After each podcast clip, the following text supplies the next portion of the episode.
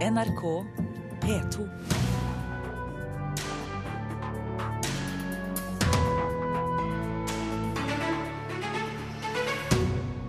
Lokale musikkfestivaler frykter konkurranse fra utenlandske arrangører. Norske skolekorps roper etter bedre instrumenter. Regjeringen lover endringer, men holder ikke ord. Jubileumsutstillingen i Frognerparken vekkes fra minnene i ny bok på 100-årsdagen for den største utstillingen noensinne i Norge. Og monsteret Godzilla har gått ut på dato, mener vår anmelder, som har sett 2014-utgaven. Kulturnytt i Nyhetsmorgen med Ugo Fermariello i studio. Flere norske musikkfestivaler frykter konkurranse fra utenlandske aktører. I Sverige har lokale festivaler gått konkurs etter at tyske og amerikanske konkurrenter kom på banen.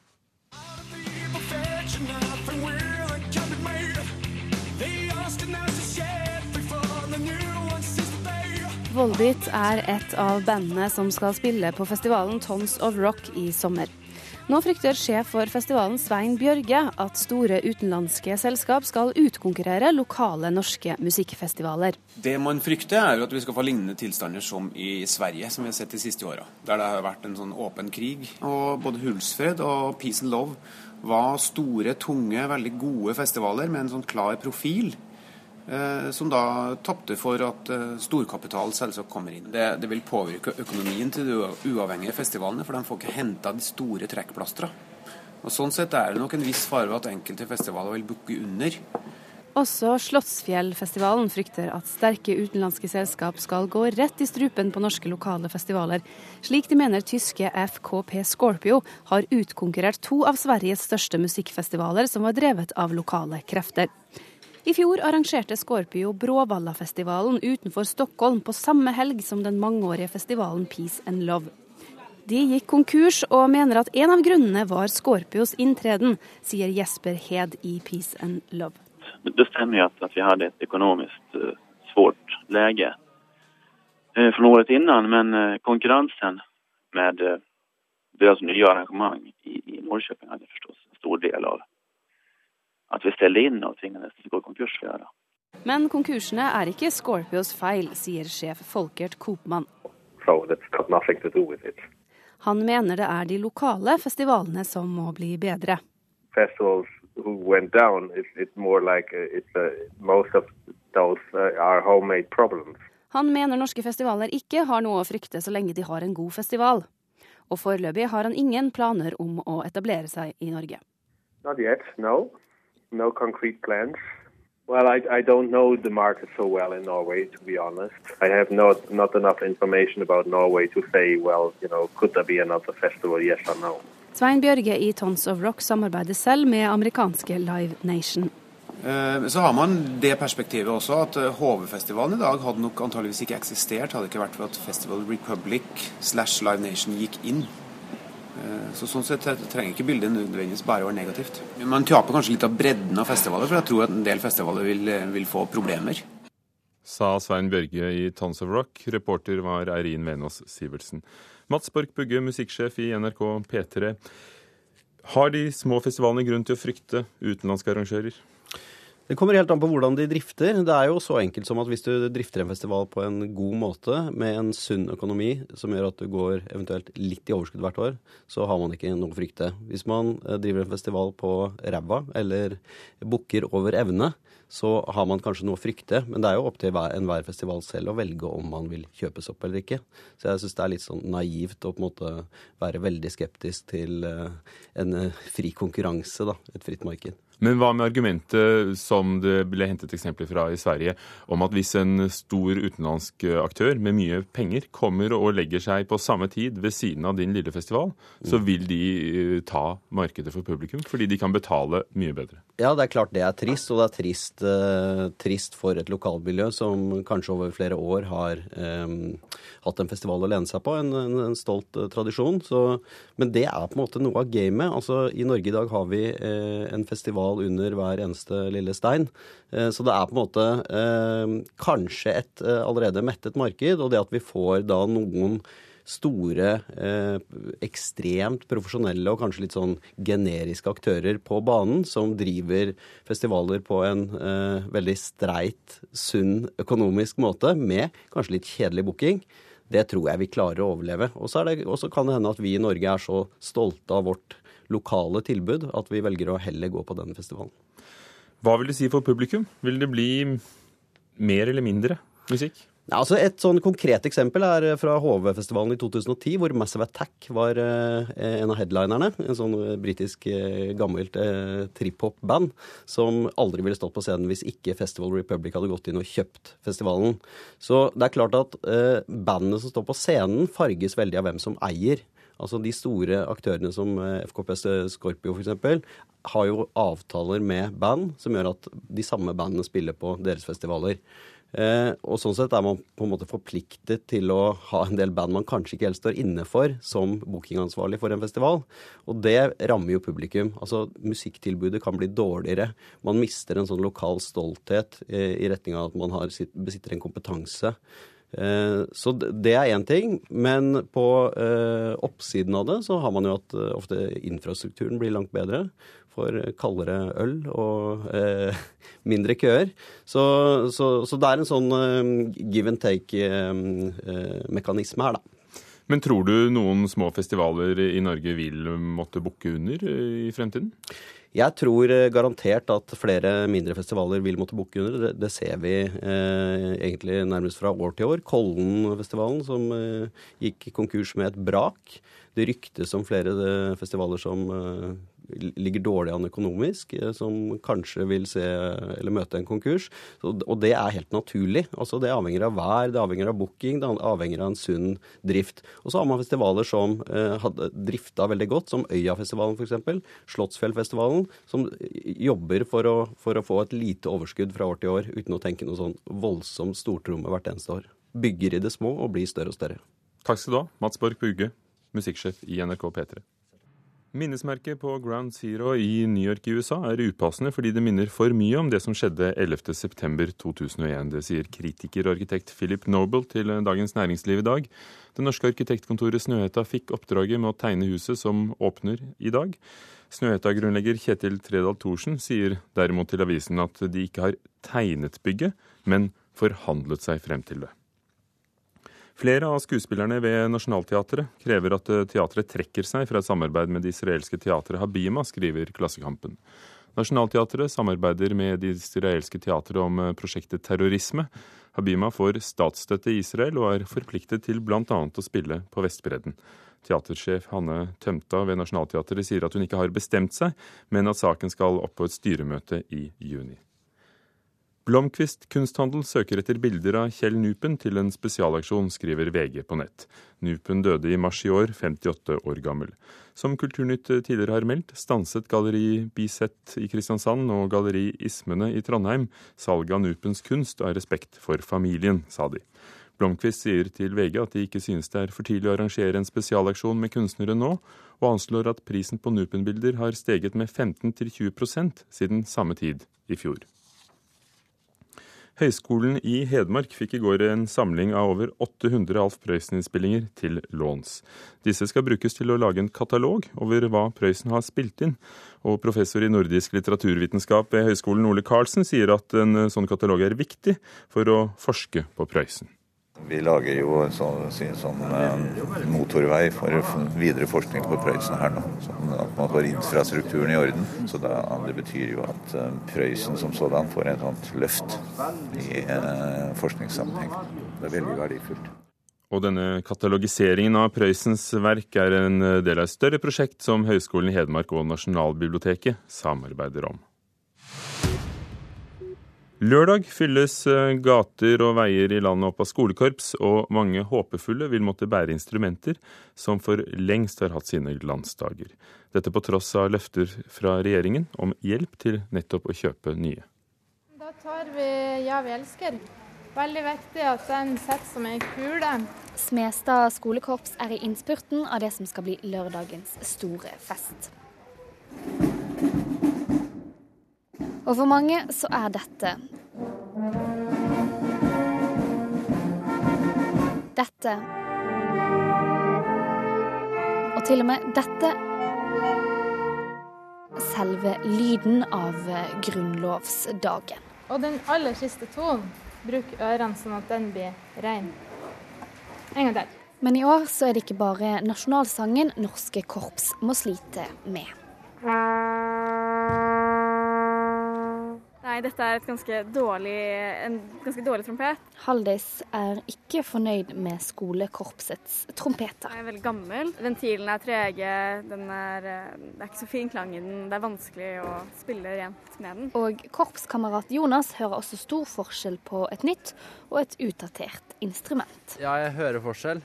Og det går ikke an å spille teknisk krevende stykker på et dårlig instrument. Du må ha et instrument som faktisk er bra nok til å spille vanskelige ting.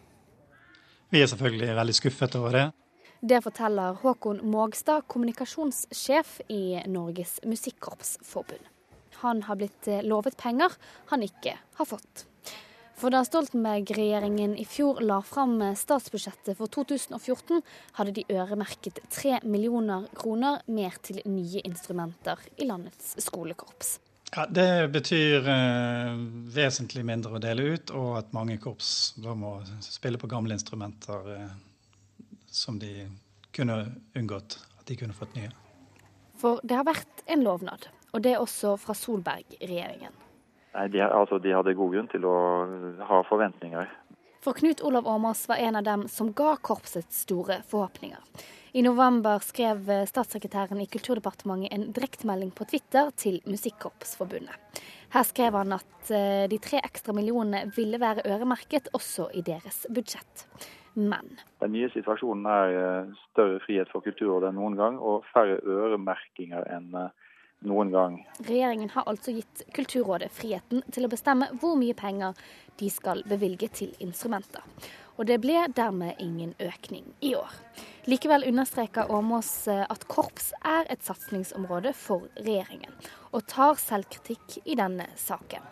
Vil du også da kanskje holde en litt eh, lavere profil på Twitter for ikke å skuffe andre eh, i fremtiden? Ja, det er, det er viktig å jeg utad eh, at eh, vi tar de forbehold som er nødvendige i kompliserte prosesser, ja. Tilbake på Smestad skole er det derimot klar tale. Korps! Rett!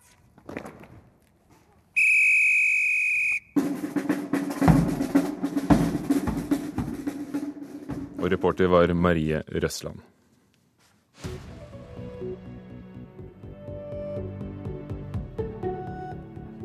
Klokken er eh, straks 16 minutter over åtte. Du hører på Nyhetsmorgen i NRK. Overskriften i dag.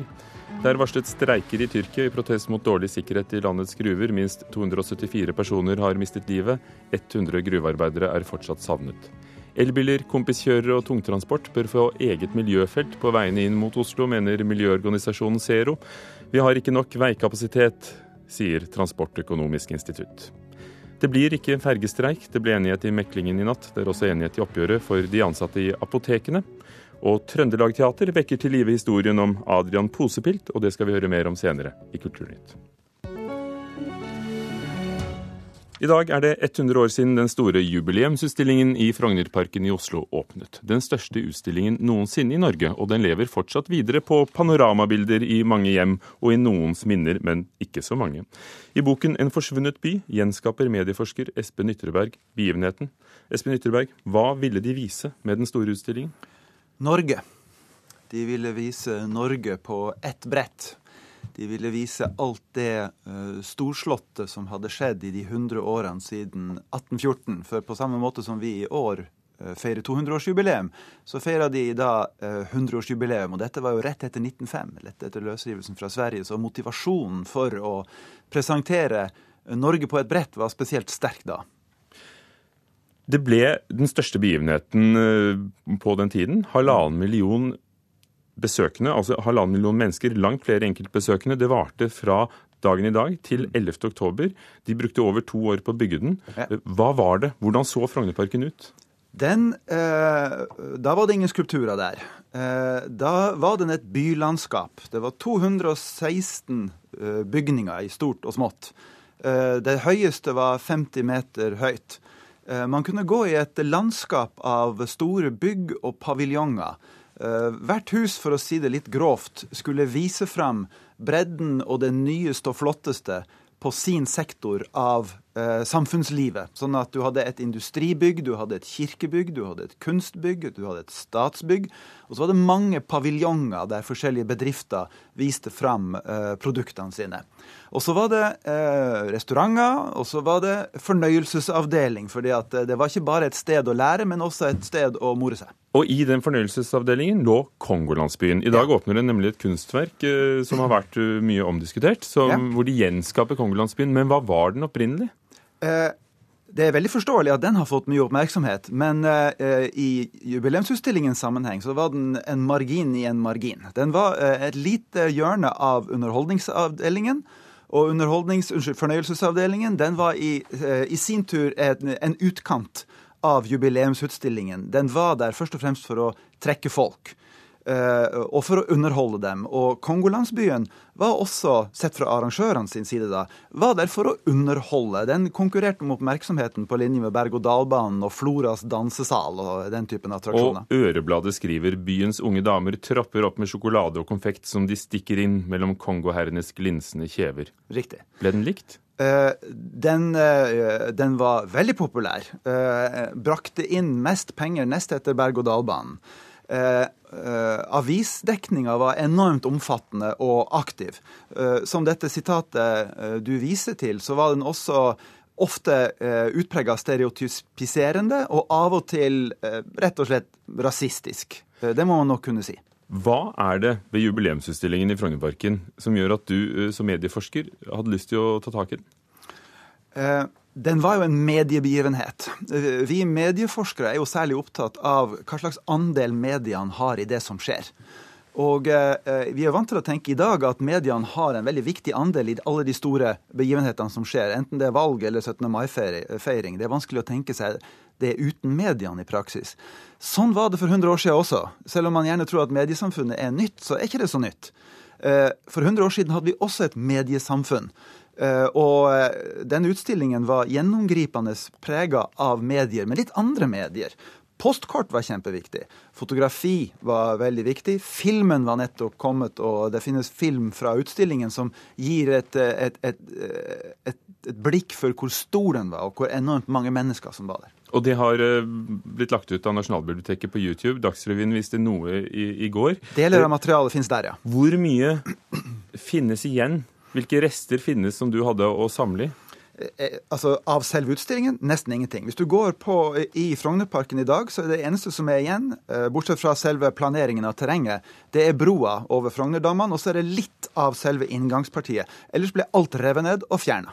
Hva betydde den for oss i ettertid? Den, eh, den var veldig viktig som en slags sånn port inn til eh, mediesamfunnet, egentlig sånn som vi kjenner det i dag. Også til varesamfunnet i Norge som vi kjenner det i dag. Og den etablerte også, eller var med på å etablere en slags eh, mal for hvordan vi feirer nasjonen. Eh, Den, eh, den formidla en form for nett- nasjonalisme, altså patriotisk og ikke aggressiv, og så en balansering mellom eh, opplysning og underholdning. Litt taler og litt pølse. Sånn feirer vi jo fremdeles 17. mai i dag. Og der er det veldig mye likt på 100 år i forhold til hvordan de gjorde det rett etter 1905, altså i 1914 på den utstillinga. Første verdenskrig var rett rundt hjørnet for utstillingen da den stengte. Hva betydde det med minnene av det som hadde vært? For minnene? Eh, Første verdenskrig slo jo, eh, slo jo ned eh, i, i august, da utstillingen hadde vært åpen en, noen måneder. En stund trodde man at man måtte stenge. Det måtte man ikke.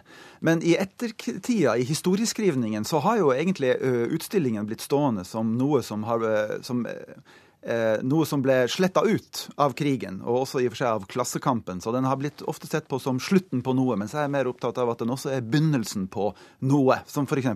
det mediesamfunnet vi har i dag. Den nye tid. Espen Ytterberg, takk skal du ha, som har skrevet boken 'En forsvunnet by', som kommer ut på dagen for eh, åpningen av jubileumsutstillingen i Frognerparken. Godzilla 2014 har premiere på kino i morgen. Monsteret er 60 år gammelt. Vår anmelder Reinar Gullvåg Staalesen mener det er gått ut på dato. Hver gang Hollywood mangler en god idé, skviser de mer ut av en gammel. Denne gangen er ideen japansk. De 28 første og de offisielle filmene om den fryktinngytende fantasidinosauren var japanske. Hollywood overtok da Japan hoppet av sirkuset i 2004. Den siste filmen var Godzilla Final Wars.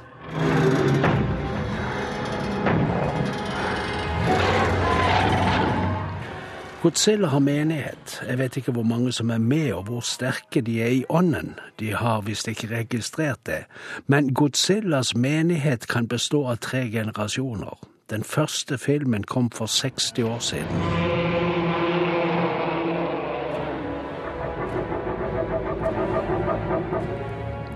Kjent stoff selger best. Nå vil også voksne se eventyrene om igjen. Og ifølge kassadagbøkene elsker vi fantasi med katastrofer der Amerika redder verden til slutt. De uniformerte har flagg på skjorteskulderen. God bless them. Godzilla er blitt amerikanisert med pels og klør og Stars and Stripes. Det er forferdelig mange lignende filmer der ute nå. Handlingselementene ligner hverandre, designen ligner, det tynner ut markedet for Godzilla. Filmer med menighet holder seg bedre enn andre filmer, men jeg tror Godzilla er gått over best før-datoen.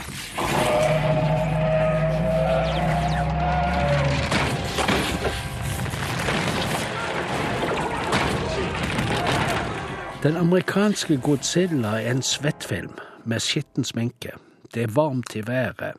Denne historien begynner på Filippinene og fortsetter ved et atomkraftverk på Japans kyst og ender i San Francisco.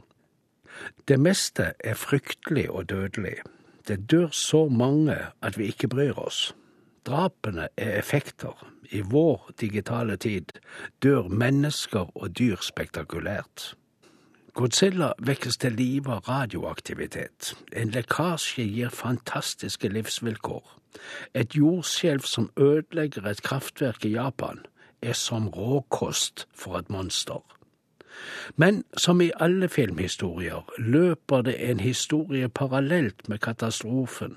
Den handler om kjernefamilie og kjærlighet og atskillelse og gjenforening.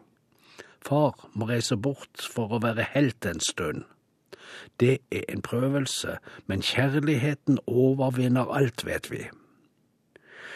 Det er jo bare underholdning, men det som er bare underholdning, kan være fylt med mening og meninger. Slik er det her. Juliette Binoche er med i tre minutter, kanskje fire. Hun står veldig høyt på rollelisten i forhold til rollens lengde og betydning. Vi ser at hun vantrives. Det er første gang jeg ser henne dårlig i film. Ingen av medspillerne kan inspirere henne til noe bedre. De himler med øynene alle sammen. Men hun er sikkert fornøyd med betalingen. Einar Gullvåg Staalesen som på sin måte med dette sa takk for alt til monsteret Godzilla. Adrian Posepilt er historien om en utrolig gutt som levde på begynnelsen av 1700-tallet. Han ble funnet av gatepikene som var på tvangsarbeid i Verkshuset i Trondheim en vinternatt, og de tok seg av fattiggutten. Når, eh, nå tar Trøndelag Teater av seg historien om ham og historiene fra Trondheims bydikter Christian Christiansen. Klokken er slagen elleve Trondheim 1674. Et lite barn i kurv blir satt igjen i en bakgård. Han blir smugla inn og får navnet Adrian Posepilt. Mats Bones har hovedrollen. For meg er det en, en, en, gutt som kom til verden med alle muligheter, som ethvert barn, men har fratatt veldig mange av de forutsetningene eh, man tenker at et barn har når man kommer til verden. Han eh, ikke har noen mor og ikke har noen far, og, men blir tatt imot av dem man ikke skulle tro tok imot noen. Skjøger, horer og andre styggkvinnfolk. Men som selvfølgelig, som alle andre mennesker, er full av kjærlighet. Og jeg tror noen av den kjærligheten det projiseres over på gutten, som blir en kraft som han tar med seg gjennom hele livet, kanskje uten å være klar over det sjøl. Trilogien om Adrian Posepilt, bøkene til Christian Christiansen, er blitt holdt kjært av veldig mange i Trøndelag gjennom veldig mange år. Eh, dette er bøker som mange har lest, mange har et svært nært forhold til. På den annen side så holder de på å forsvinne litt. er den yngre generasjonen kjenner ikke til dem. Eh, som bergenser som kom hit og skulle begynne som teatersjef, så kjente jeg heller ikke til dem. Eh, men jeg fant jo fort ut at dette var noe som jeg måtte lese, og eh, av flere grunner. Den mest opplagte grunnen er den at det er ikke så veldig mange forfattere som har brukt Trondheim som arena for sin litteratur på den måten som Christian Christiansen har gjort det. Man finner det litt i krimsjangeren, men, men, ikke på den måten Jeg kommer fra en by hvor den ene forfatteren etter den andre har brukt byen som arena. Mest kjent selvfølgelig Amalie Skram og Hellemyrsfolket. Men, så det er noe med det òg som gjorde at jeg tenkte at dette må jo være Trondheims litteratur. Eh, og så finner jeg det ikke i bokbutikken, og så begynte jeg å stresse litt rundt for å få fatt i det. Og fikk etter hvert lest denne trilogien, og syns kanskje selv den første boken, men, men, men, hele trilogien er veldig fin. Og Da fikk jeg lyst til å gjøre noe med det. Sier teatersjef ved Trøndelag Teater, Kristian Seltun. Det er klart at Christian Christiansen er ingen filosofisk dyptloddende forfatter. Det er han ikke, og kanskje heller ikke psykologisk dyptloddende. Men der, der hviler et stort uh, menneskealvor over det han skriver. Eh, sånn at hvis vi nå har eh, vår fornødne egenmulighet til å dytte litt filosofi og tanke inn i det, så ligger det et store drama der. Det skjer veldig mye med disse menneskene. De lever under forferdelige forhold. Eh, og det, man trenger heller ikke så mye fantasi for selv å sette seg inn i hvordan det hadde vært å leve på den tiden. Altså Dette er en tid i Trondheim hvor jeg skal ikke begynne som statistiker, men 70-80% av befolkningen har mer enn nok med å berge livskiten fra en dag til neste. Sånn har vi det ikke lenger. Hva om vi hadde hatt det sånn? Sa Christian Seltun, teatersjef ved Trøndelag Teater, til reporter Lars Erik Skjærseth. Og det er først i høsten at stykket om Adrian Posepilt har premiere. I Kulturnytt har vi hørt at mindre festivaler frykter konkurranse fra utenlandske aktører. Ubegrunnet, sier musikksjefen for NRK P3 som kommenterte saken her. Og vi har også hørt at regjeringen ikke gir korpsene penger til nye instrumenter slik de hadde lovet. Hanne Lunås var teknisk ansvarlig, Espen Alnes produsent, Ugo Fermariello programleder for Kulturnytt i Nyhetsmorgen. Hør flere podkaster på nrk.no podkast.